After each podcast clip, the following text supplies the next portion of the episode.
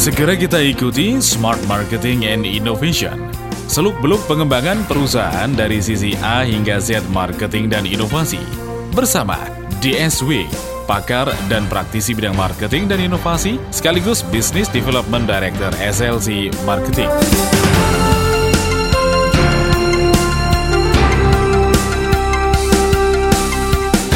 Selamat sore Smart Listeners. Bagaimana kabar Anda di sore hari ini? Senang sekali saya Didi Cahya kembali hadir menemani Anda di awal pekan ini yang Wow mungkin cukup he- hektik eh, tapi mungkin ada juga yang sudah bernafas lega. Desember udah bisa liburan nih gitu ya. Mungkin ada yang seperti itu tapi ada yang juga deg-degan aduh Desember udah udah kepengen liburan tapi kok masih banyak tanggungan. Nah ini kita berarti kita harus membicarakan yang terkait dengan strategi. Tentunya bersama Pak DSV sore hari ini Dr. Sandi Wahyudi. Selamat sore apa kabar? Selamat sore Mbak Didi, smart listeners, keep stupid to balancing everything. Tetap belajar karena kita sudah memasuki sebentar lagi kita ganti bulan ya, minggu depan. Desember itu adalah penghujung tahun, tapi November ini adalah waktu yang pas Mbak Didi untuk bikin ancang-ancang evaluasi seluruh target yang kita telah lalui ya kan.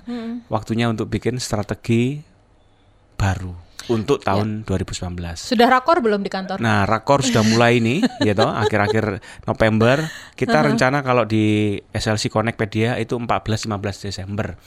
Hari Jumat Sabtu kita full dua hari raker untuk planning tahun 2019. Nah, teman-teman klien-klien juga sudah mulai minggu-minggu ini. Ya. Ada yang awal Desember, tapi Ya. sudah sangat sedikit yang 20 Desember ke atas karena udah liburan. Iya, tapi ada betul. perusahaan ini Kalbe Pharma ngundang saya nanti di tanggal 11 Januari 2019 di Sentul. Itu mereka annual meeting. ya 12 negara datang. wow Salah satunya saya sebagai panelis eh, untuk juri Innovation Award para CM-CM-nya, country manager ya ya ya ya luar biasa dari 12 negara. Nah, kurang lebih eh, annual meeting di awal tahun ini juga pas. Tapi mereka sudah submit yaitu eh, business plan di setiap negara masing-masing bulan-bulan ini juga. Hmm, Jadi sudah dikirim ke direksi pusat. Demikian pada waktu annual meeting tinggal diketok palu. Wow. Sebetulnya strategic plan ini adalah ya sekarang yang pas Mbak Didi untuk Betul ya. bikin sebuah rencana kerja yang strategis sampai kepada hal yang inovatif dan bisa dieksekusi di lapangan. Iya, dan memang harus dibicarakan bersama dengan seluruh tim, ketok palu bersama-sama Iya. gitu ya, supaya eh, tim ini tahu 2019 itu arahnya mau ke mana, Iya, gitu ya. oke. Jadi entah itu antisipatif atau gimana langkah-langkahnya mereka ngerti gitu ya. Yes.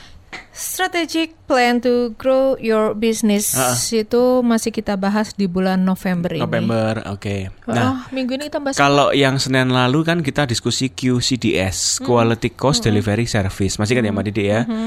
Itu adalah terkait internal yang mana kita ingin bikin produk yang semurah mungkin, kita bisa berikan sebagus mungkin dan kirim secepat mungkin, kan gitu ya. Ya. Nah, tapi masalahnya kompetitor itu apakah melakukan hal yang sama?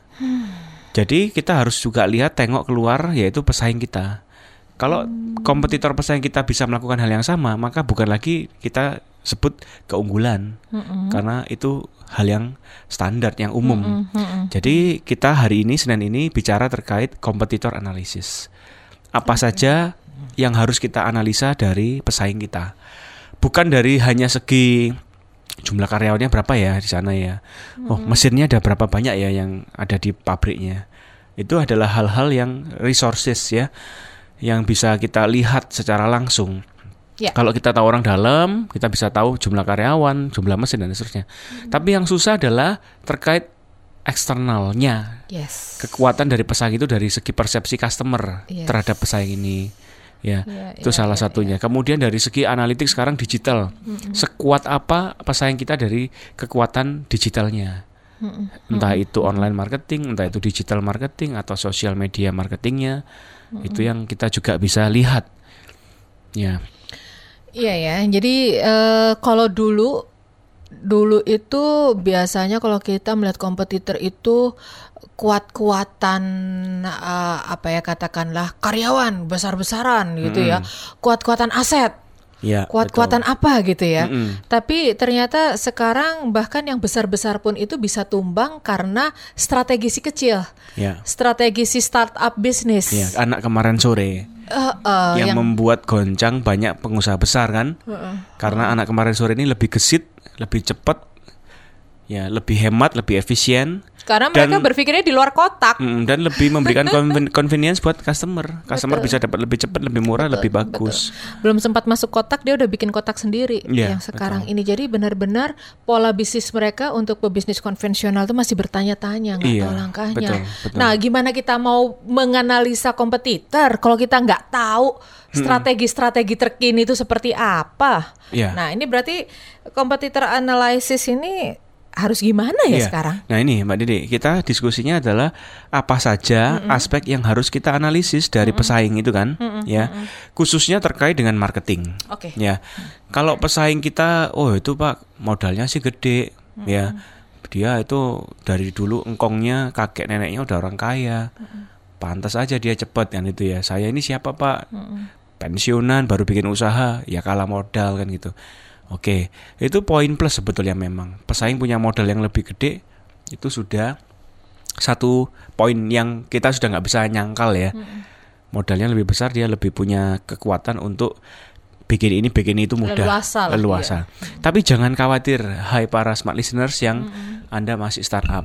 Banyak sekarang peer to peer lending, kita peer eh, crowdfunding istilahnya ya, lewat financial technology itu kita bisa meminjam modal dengan eh, catatan kita membagikan sedikit kepemilikan kita ke mereka, ke para investor.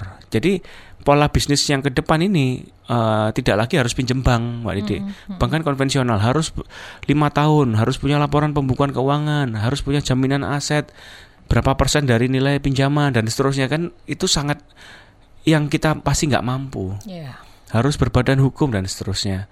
Nah, buktinya apa itu yang kita sebut tadi anak kemarin sore, Gojek dan seterusnya itu kan mulai awalnya nggak dapat modal dari siapa pun. Betul. Ini di Jakarta kemarin saya ketemu kawan tahu persis kejadian Gojek yaitu Nadiem Makarim. Pada tahun-tahun awal dia berdiri, ya, dia waktu itu membutuhkan 200 miliar dari Astra. Astra kalau kamu mau tanam 200 miliar, tak kasih saham 20%. Itu ya. Astranya bingung, ini usaha apa toh? Ngene tok aja 200 M gitu ya. Gak Gak jelas. digubris. Iya, iya, Dua tahun lagi setelah eh, Gojek berkembang pesat, ya Astra kepingin dapatkan kepemilikan, dijual sama Nadim 2 triliun, tapi tak kasih cuma 2 persen, mau nggak? Eh, Jadi 200 miliar ya Jadi 2 triliun. dikasih 20 persen nggak mau. Sekarang Dikasih 2 persen 2 pula. triliun cuma 2 persen mau nggak? Bingung juga Astra ya. Buset 2 tahun yang lalu masih 200 juta. Iya, 200 miliar. Eh, 200 miliar. Jadi triliun. Nah, em, itu ya arti kata Gojek itu lewat si Nadiem memang kan fenomenal. Betul. Novelty yang jadi impian jadi kenyataan. Kita semua kepingin ya kayak Nadiem kan. Iya. Tapi ya oh, itu nasibnya dia bagus pak. Memang dia di- dilahirkan menjadi orang yang sukses. Heeh. Saya kira sukses nggak sukses itu Tuhan pasti kita dikasih hal yang apa ya kekuatan berpikir ya diberikan semuanya sama sih tinggal kepada kita mau mengupayakan nggak kan gitu ya ambil action nggak Wah, ini harusnya eh, saya bukan motivator ya Eh, Sebentar lagi. ini mo- momen-momen November Desember iya. waktunya membuat resolusi soalnya Betul, ya. betul, betul. Jadi kurang lebih kalau kita lihat pesaing yang besar, kelihatannya kan kita nggak mungkin ngalahin mereka. Modalnya udah kalah set satu set sama mereka. Tapi masih banyak kita funding dengan cara lain. Ya, salah satunya yang dilakukan startup itu menjual kepemilikan. Iya, iya. Nggak harus semua kita punya sendiri. Iya. Itu satu poin penting. Jadi satu modal. Yang kedua adalah kita menganalisis pesaing Mbak Didi. Sebentar ini breaknya kapan? Belum. Masih ada waktu. Sudah waktu ya. Yang kedua, kita tidak bahas terkait human resource. Karena ini smart marketing innovation, saya fokusin ke marketing. Jadi secara finansial sedikit banyak saya tahu lah, cuman paling tidak kalau mau dalam harusnya ke konsultan keuangan ya. Nah, di Connectpedia bisa membantu Anda untuk mempertemukan. Kemudian terkait SDM. Pak, di sana pesaing saya karyawannya itu S1 semua. Gajinya UMR semua, Pak. Sedangkan saya mampu ya cuma ngerekrut anak SMK. Gaji ya di bawah standar misalnya. Piye bisa bersaing? Di sana lebih pinter, lebih cepet. Saya, staff saya kan ya biasa-biasa gitu kan.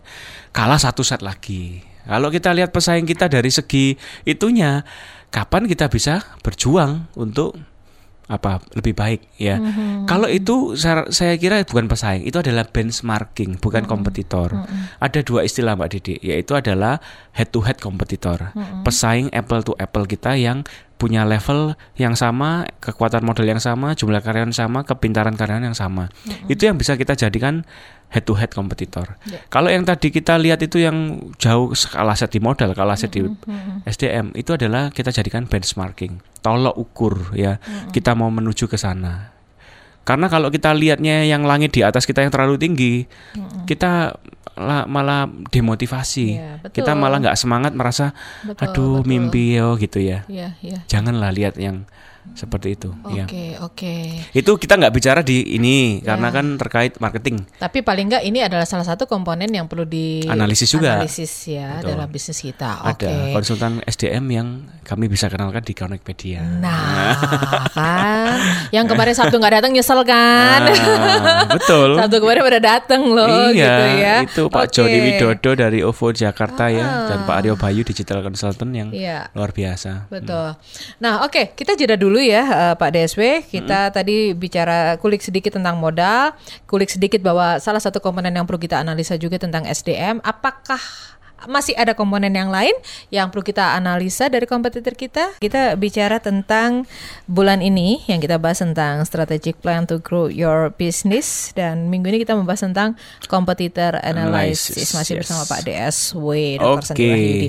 Ya, tadi kan disampaikan bahwa kalau kita mau apa ya eh bisnis kita bisa jalan tuh kan kita juga harus tahu apa yang dilakukan oleh kompetitor ya. Dan salah satu salah dua tadi salah satu yang sudah kita poin-poin yang perlu kita ini ya analisa dari eh, kompetitor itu adalah modal dan SDM gitu ya. Nah apakah masih ada yang lain? Oh iya. Yang Harus. pasti eh, analisis ini harus menyeluruh Mbak Didi. Oke. Semua fungsi bisnis ya. Jadi karena apa? Terkait marketing ini kaitannya luas. Oke. Bagaimana kita bisa promosi lebih baik kalau ternyata produksi kita itu tidak efisien. Maka banyak waste, banyak yang terbuang, jadi harga jual ke eh, customer juga nggak kompetitif akhirnya. Jadi terkait sama SDM, SDM ini nggak produktif. Dia kerjanya itu nggak cepat. Nah, mana bisa bikin produk yang efisien. Nah kaitannya semua Mbak Didi. Cuma karena kita smart marketing innovation, saya fokus ke marketing, ya. marketing siap Oke, analisis pesaing yang pertama itu saya bagi empat tahap ya. Tahap pertama itu adalah tahap targeting. Nah, targeting ini bicara masalah positioning kita, perusahaan kita dibanding perusahaan pesaing, ya. Di mana atau apa yang dicitrakan oleh customer kita terhadap perusahaan kita dibanding perusahaan pesaing. Itu hal yang harus dijawab mendasar sekali oleh setiap pebisnis. Jangan sampai pada waktu kita ketemu customer, customer itu tanya, "Pak, perusahaan Bapak ini kan sama atau dengan yang ini jualan ini ini ini ini?" Yang sana itu Pak harga jualnya cuma segini. Bapak kok mahal banget ya? Nah, itulah yang membuat kita mudah di compare harga, kita mudah masuk ke perangkap perang harga. Karena di mata customer kita tidak bisa menjelaskan, mendefinisikan ya, mengedukasi bahwa kita nilai bedanya di mana. ya Itu yang eh, harus dianalisis pertama oke dari segi targeting customernya. Oke. Tar- targeting gitu ya. ya kita eh, targeting dari ini. Jadi apa namanya bisa dibilang kalahnya kita di pricing tuh gara-gara kepanasan ya. Ya. Karena citra kita ah mau males produk melarang. Betul. Pada eh, karena eh, kita lupa bahwa target kita itu nggak semata-mata harga yang eh, pricing ya, tapi kualitas kita lebih bagus Yes, heeh. value kita lebih, service kita lebih bagus sebenarnya itu yang kita keluarkan. Mm-mm. Iya ya. Masih ingat QCDS minggu lalu, Mbak Didi? Ya. Kalau kita yakin bahwa quality kita lebih bagus, ya kita harus berani ngeklaim itu kepada customer.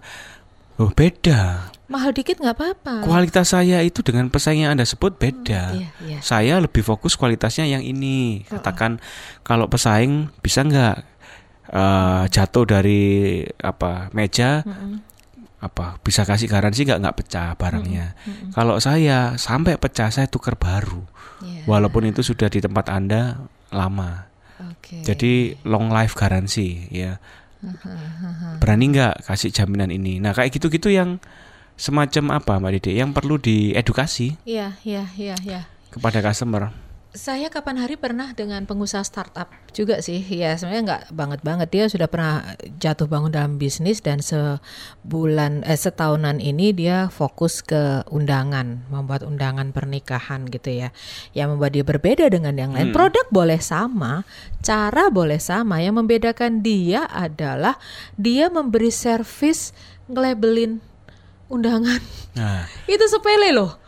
Sepele banget, Pak. biasanya yang ngelakuin itu adalah pasangan yang mau nikah. Oh, Nulis nama nama aduh. ininya. Ngetik, ngeprint, Betul, nempelin, ngirim. Itu semua dikerjakan di tempat printingnya. Iya. Servisnya. oh, Jadi- pasti mm, Jadi menarik. dia itu sudah yang males itu kan membungkusnya segala macam. Jadi si eh, mem- calon mempelai itu sudah sudah siap itu. Bahkan kalau dia mau bisa sekurirnya sekalian. Iya iya iya oke ini arti kata lebih memberikan servis ketimbang aspek yang lain Iya. bukan masalah murah nggak murah tapi nggak Iya. ada tempat lain yang bisa ngasih servis ini Karena dia melihat kompetitor lain tidak melakukan itu. yes itulah jelas Ah, targetingnya oke. jelas Betul. Betul, itu kan hal yang sepele tapi bikin males ya Pak ya. Apalagi kalau kita ya itu pengusaha kita- yang gitu kreatif pasti Iya, kita dia bisa kan nggak melihat ngurusin undangan toh. betul ngurusi masih yang event lah Iya. yang ngurusi terkait konsumsi ya kan Iya, banyak yang itu diurusin obrolan itu begitu nyangkut di kepala saya. Yes. Waktu itu kan saya tanya, Thank you, Mbak eh, Didi." saumuranmu itu loh yang bikin undangan banyak. Mm-mm. Eh, anak-anak sekarang startupnya kebanyakan desain apa-apa-apa. Iya. Apa yang membuat kamu berbeda? Sepele mbak, kayak gitu. Dan saat mungkin yang lain kompetitor lain sudah mengikuti, akan mengikuti apa yang dia lakukan, dia sudah punya langkah yang lain lagi. oke maka dari itu em, Mbak Didi contoh yang Mbak Didi kasih itu langsung harusnya smart listener yang denger ini jelek gitu ya. Iya. Arti kata gini, kalau kita ini selama beberapa tahun ini, aduh kok susah ya, kok rasanya customer ini apa ya, mintanya murah terus gitu ya. Terus customer ini kok selalu banding-bandingkan saya ya. Iya, iya. Bisa jadi kita hanya ikut mainstream, ikut arus.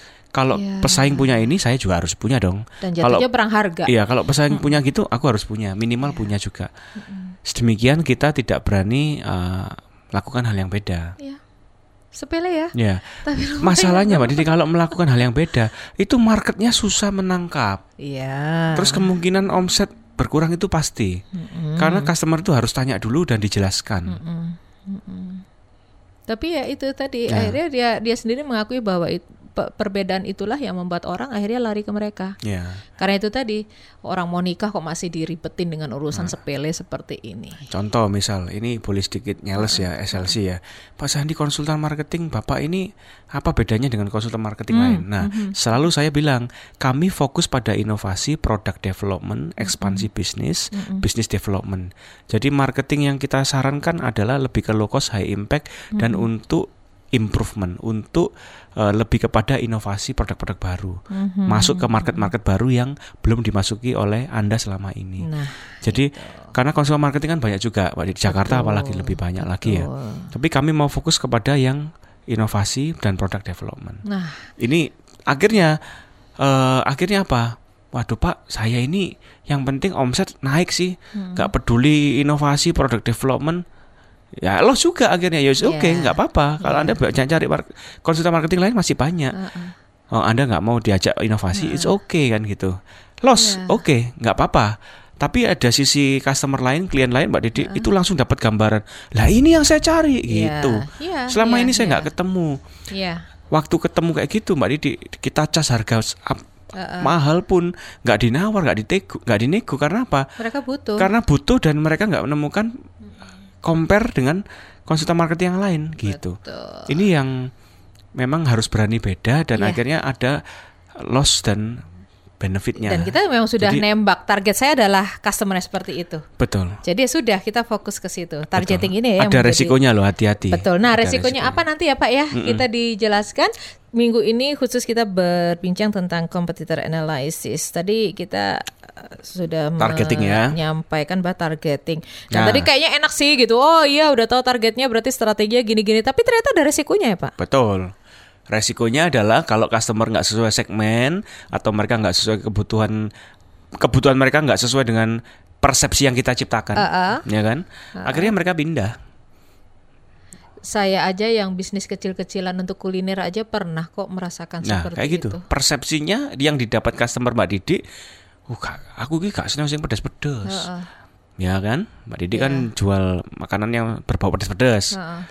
Iya gitu. Ada Iya, yang loss. loss. Tapi mereka yang doyan pedas, wah nek gak Mbak judes, aku nggak mau, beli gitu. gitu.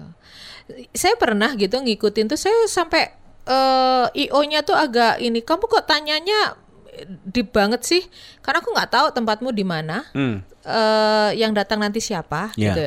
Terus dia bilang, "Nanti itu di lapangan pesertanya itu sekian ribu, orang itu begini begini begini begini." Akhirnya kan saya jadi mikir, "Oh, berarti besok itu yang laku adalah minuman yang dingin-dingin." Maka saya jualan itu, saya nggak Yes. jualan makanan. Itu ah, itu malah bahaya Mbak Didi. Nah, malah bahaya. Malah bahaya karena Sita, hmm, Mbak Didi ini jual apa tuh? Iya. Sebentar jual makanan, jual minuman. Heeh. Itu yang para pebisnis biasanya. Ini mohon maaf Mbak Ah, Didi ah, ya. iya apa-apa. Eh kalau memang kan prinsipnya loh Pak, Pak Sandi pernah bilang palu gada, apa lu mau gua ada. Heeh. Market butuh apa saya kasih. Oke. Market butuh apa saya kasih. Selama konteksnya tidak meninggalkan identitas kita sebagai perusahaan, nggak apa-apa Mbak Didi. Oke. Tapi kalau industrinya udah lintas industri, terus kita juga eh, nggak konsisten di Iya. satu bidang tertentu, ini kita susah nanti. Oke. Jadi That's why I have two brands. itu kenapa Ya. saya punya dua brand gitu. Ya itu bisa. Karena itu ya seperti analisa kita minggu lalu ya. Sama ini yang saya lakukan dengan Connectpedia. Ah, iya. Pak Sandi ini jual apa tuh? Konsultan SDM ada, konsultan IT ada, konsultan pajak ada. Loh itu. Connectpedia.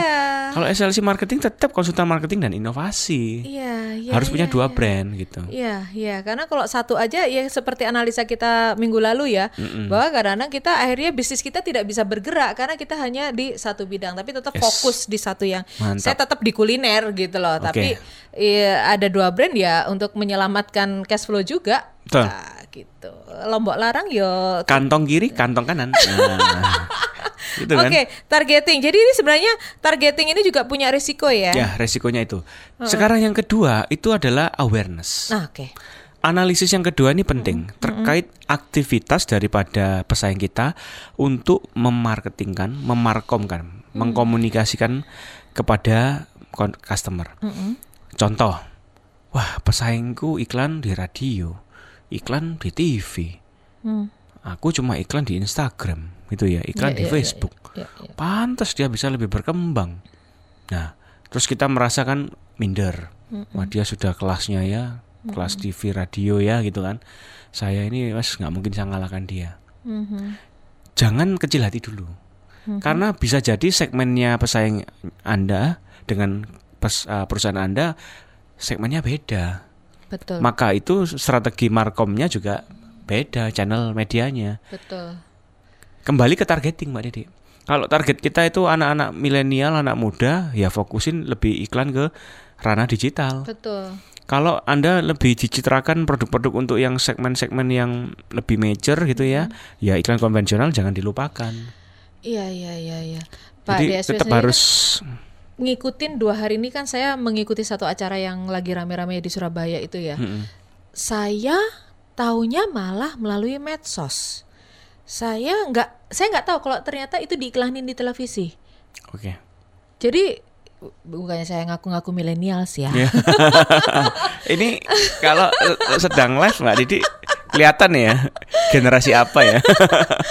Jadi siapa pun anda pelaku Iya. bisnis startup gitu jangan kecil hati kalau tapi nggak apa-apa lah kalau mau ngiklan-ngiklan dikit di Smart FM juga oh boleh. iya, harus. Eh, Smart Pak Deswi ini termasuk uh, startup uh, apa startup yang ini ya menggunakan media radio ya? Iya, awal berdiri 5-6 tahun lalu harus sudah ke radio karena harus multi channel, Iya, omni channel betul, istilahnya. betul. Segmen kita kan beragam. Ada korporasi, ada BUMN, klien kita juga ada yang startup, ada yang family business, ada yang profesional Iya. yang bekerja di perusahaan. Jadi seluruh channel kita harus pakai, Mbak Didi. Dan saya bersyukur termasuk salah satu yang melihat proses itu gitu loh. Akhirnya sekarang juga awareness dengan brand DSW itu. Ya, kita itu. lepas dari SLC Marketing Connectpedia gitu. Oh sama Pak DSW. Oh yang siaran hari Senin itu Betul, ya. betul. Oh yang SLC itu ya. Iya, iya, iya. Oh yang itu ya. Yang connect-connect apa itu? nah Iya, kadang-kadang masih nah, tanya kan betul. connect-connect apa itu gitu. Wow, saya itu pernah. Ini nggak apa-apa ya, Mbak Didi. Ketemu satu orang nggak kenal. Dia itu nyawang saya terus. Pak, saya tuh rasanya pernah dengar suara Anda. Oh gitu. Oh iya Pak, di mana? Saya panjang gitu ya. "Eh, Di radio ya. Saya bilang, Anda pendengar Smart FM. Iya. Terus kan ketukaran kartu nama. Eh, Anda toh Pak DSW. Oke. Jadi dia itu baru ngeh itu setelah tukar kartu nama. Pantas saya dari tadi tuh kok familiar Suaranya dengan kok- suara Anda oke. gitu. Mari gitu Mbak Didi ya. Nyawangnya beda. Kalau tadi rodok nyinyir gitu ya. Iki sopo wong iki ya. Ya, setelah tahu Pak DSW nah itu kurang lebih itu yang apa Mbak Didi ya. Hmm, cukup penting nilai strategis untuk iklan di Smart FM ya. Iya, untuk talk show di Smart FM. Pebisnis itu yang saya temui. Dan pebisnis ini adalah pebisnis top di Surabaya. Nah, punya pabrik perusahaan besar. Kurang lebih seperti itu.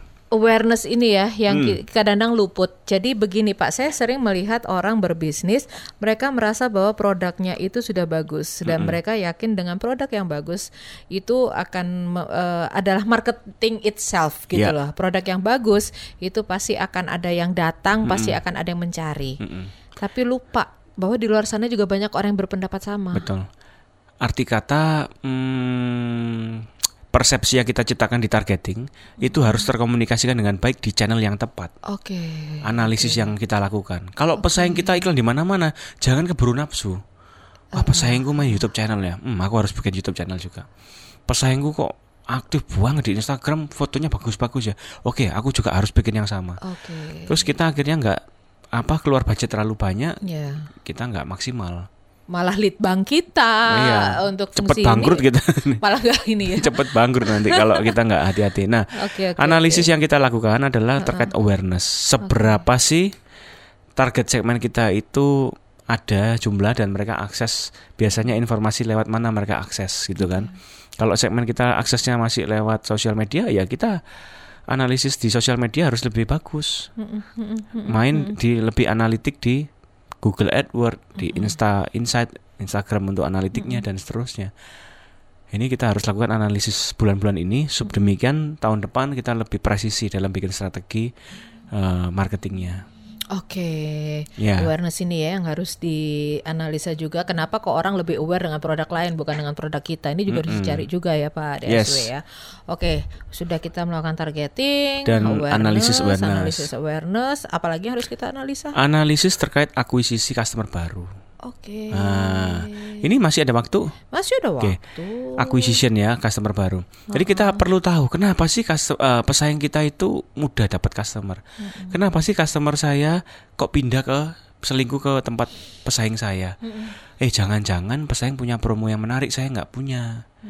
Jangan-jangan pesaing saya itu pembayarannya lebih fleksibel saya kaku banget gitu kan. Jangan-jangan eh, pesaing saya udah kerjasama dengan apa bank-bank promosi cicilan saya belum punya gitu.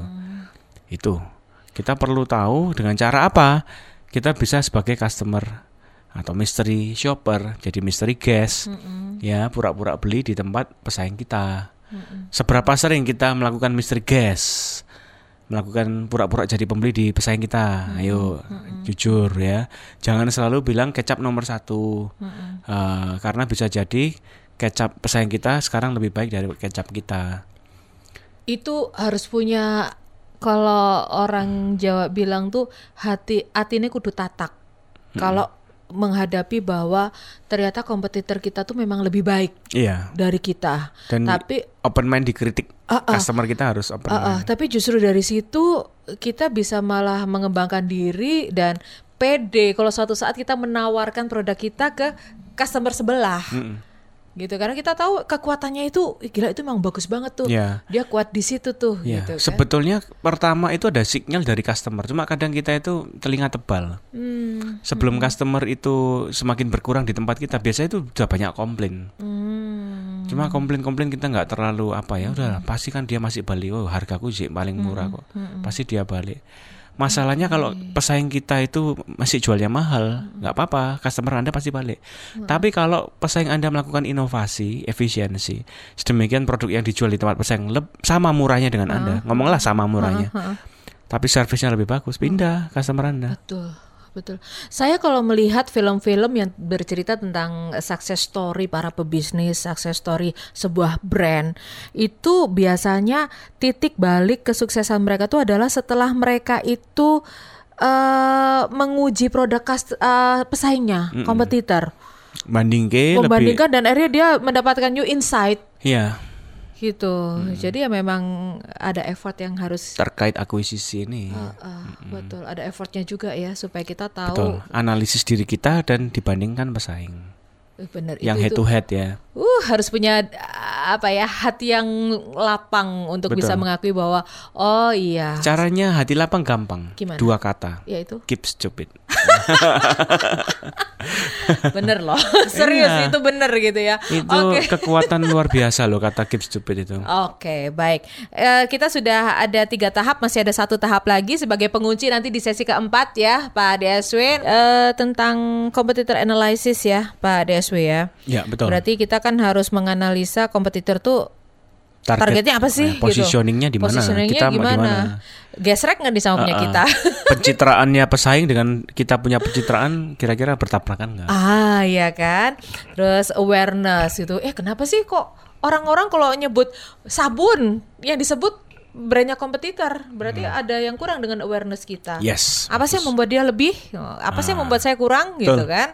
Terus akuisisi customer baru. Nah, ini yang kadang-kadang kita eh, terlena menganggap produk kita bagus sampai lupa menjadi mystery shopper di kompetitor. Bagus. Dan akhirnya Mantap, ah, Mbak ya sudah lah. Hah, ternyata customer kita ke sana semua. Sedih nggak sih gitu kan? Ini tiga nih. Wah, yang terakhir Terakhir apa, Pak? apa tebak Mbak Dede? Belum tahu. Customer retention. Ya, Oke. retensi pelanggan. Yaitu mereka yang sudah datang beli di tempat kita, gimana cara dia bisa datang dan beli lagi. Pak, ini yang Ini yang tugas Iya. paling berat nih. Karena orang beli pertama bisa jadi karena ia kepingin nyoba. Hmm, oke kan? ada promo. Ada promo. Ya ada sungkan promo, karena teman atau saudara yang buka restoran baru. Ya kan? Orang per- kan kurius kepingin tahu aja. Rame di awal itu bukan sesuatu. Tapi bisa sampai bertahan 10 20 tahun. Nah, itu baru sesuatu. Bahkan kadang-kadang kalau kita nggak usah ngomong bisnis kuliner lah, clothing segala macam Hmm. yang sepertinya itu wah gila nih gitu ya. Ada ribuan pembeli, ribuan ya satu dua tiga tahun terus redup Mm-mm. karena akhirnya tembakannya banyak segala macam. Ya. Iya juga ya harus gimana nih kalau ngadepin Nah itu. analisis yang kita bisa lakukan pertama adalah seberapa ada atau istilahnya churn rate bisa ditulis ya. C H U R N. Churn tulis bacanya C H U R N. Rate itu rate ya. Angka churn rate-nya itu artinya gini. Customer yang baru masuk dibandingkan dengan customer lama yang sudah tidak beli lagi itu perbandingannya bagaimana? Gitu. Contoh misal dalam satu bulan ini mbak Didi ya. Kan transaksi kita bisa lihat dalam satu bulan. Wah ini customer baru saya ada 10 nih. Ya. Customer lama saya lama itu is- harus definisinya bagus ya.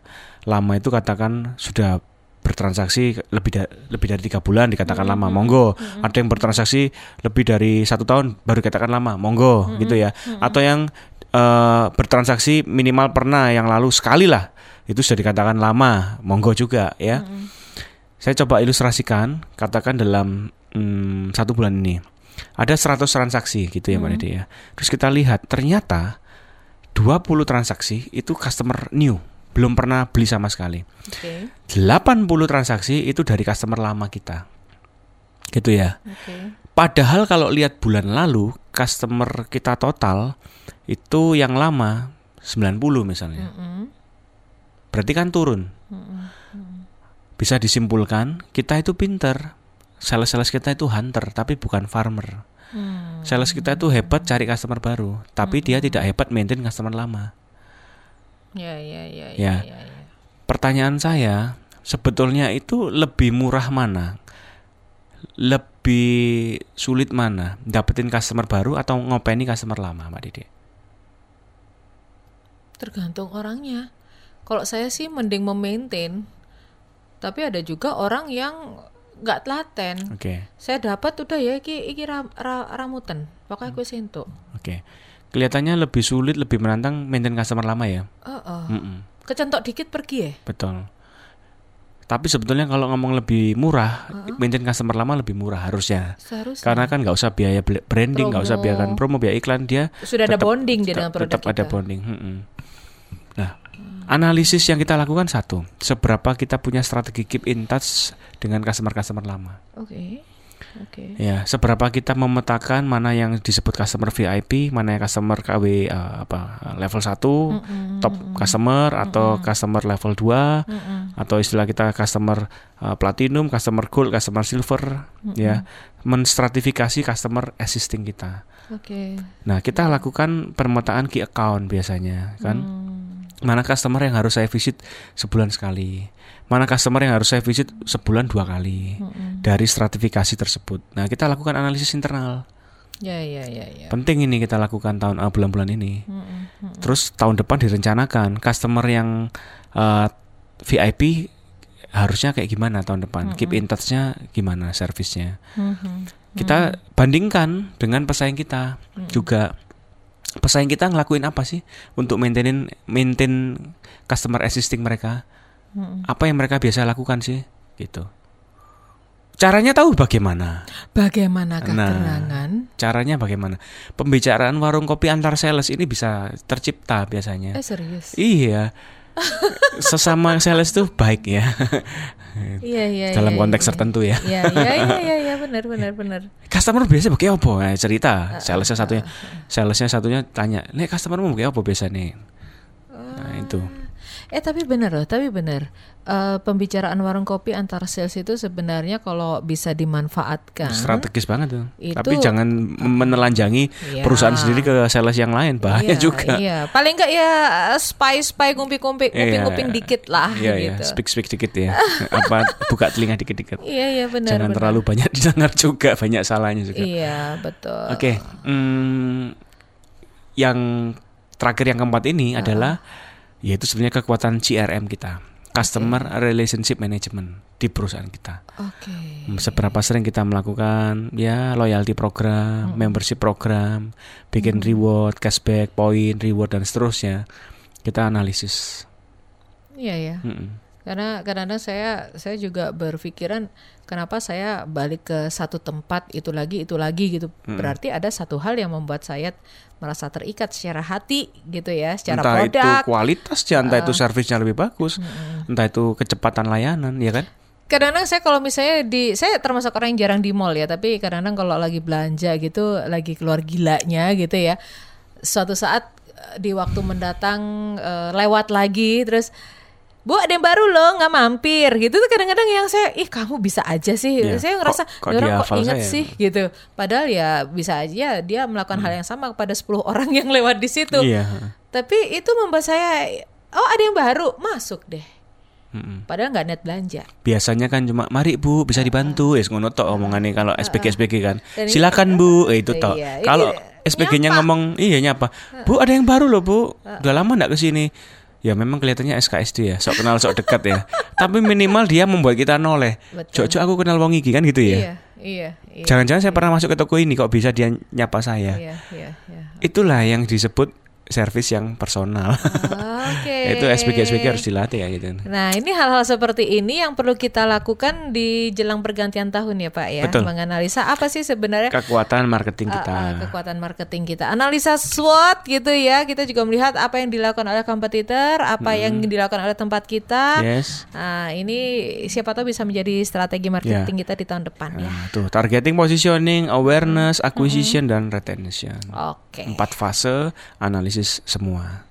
Oke, gimana? Sudah siap untuk jadi bahan rakor nanti Ya, akhir betul. bulan, akhir tahun? Oh ya, kita masih punya Senin satu lagi ya minggu depan ya. Betul. Kita Ini bahas untuk gong penutupan ada apa gongnya. lagi. Habis itu nanti Desember bahkan ada eh, tema baru lagi. Habis itu Januari ada yang baru lagi. Keep Stupidnya apa? Iya, itu tunggu. tema tahunan tuh. Tema tahunan. Oke, ya. Mm-mm. baik Pak Deswe terima kasih ya. Ini Oke. eh, penyegaran di jelang akhir tahun. Semoga juga bisa menjadi refreshment juga untuk smart listeners yang mungkin lagi blank juga ini ya. Apa yang harus saya lakukan di akhir tahun ini dengan bisnis saya dan tim saya. Oke, ini sudah ada bocoran, Iya. analisa kompetitor yang bisa Anda lakukan. Yes. Dan semoga ini meng- menginspirasi Anda. Waktunya kami pamit. Saya Didi Cahya. Dan Only Marketing Can Drive Innovation, saya DSW, Dr. Sandi Wayudi, Hanya hanya, untuk untuk Smart, Smart FM. Demikian telah kita ikuti Smart Marketing and Innovation. Seluk-beluk pengembangan perusahaan dari sisi A hingga Z marketing dan inovasi bersama DSW, pakar dan praktisi bidang marketing dan inovasi sekaligus Business Development Director SLC Marketing. Ikuti inspirasinya setiap hari hanya di 889 Smart FM Surabaya.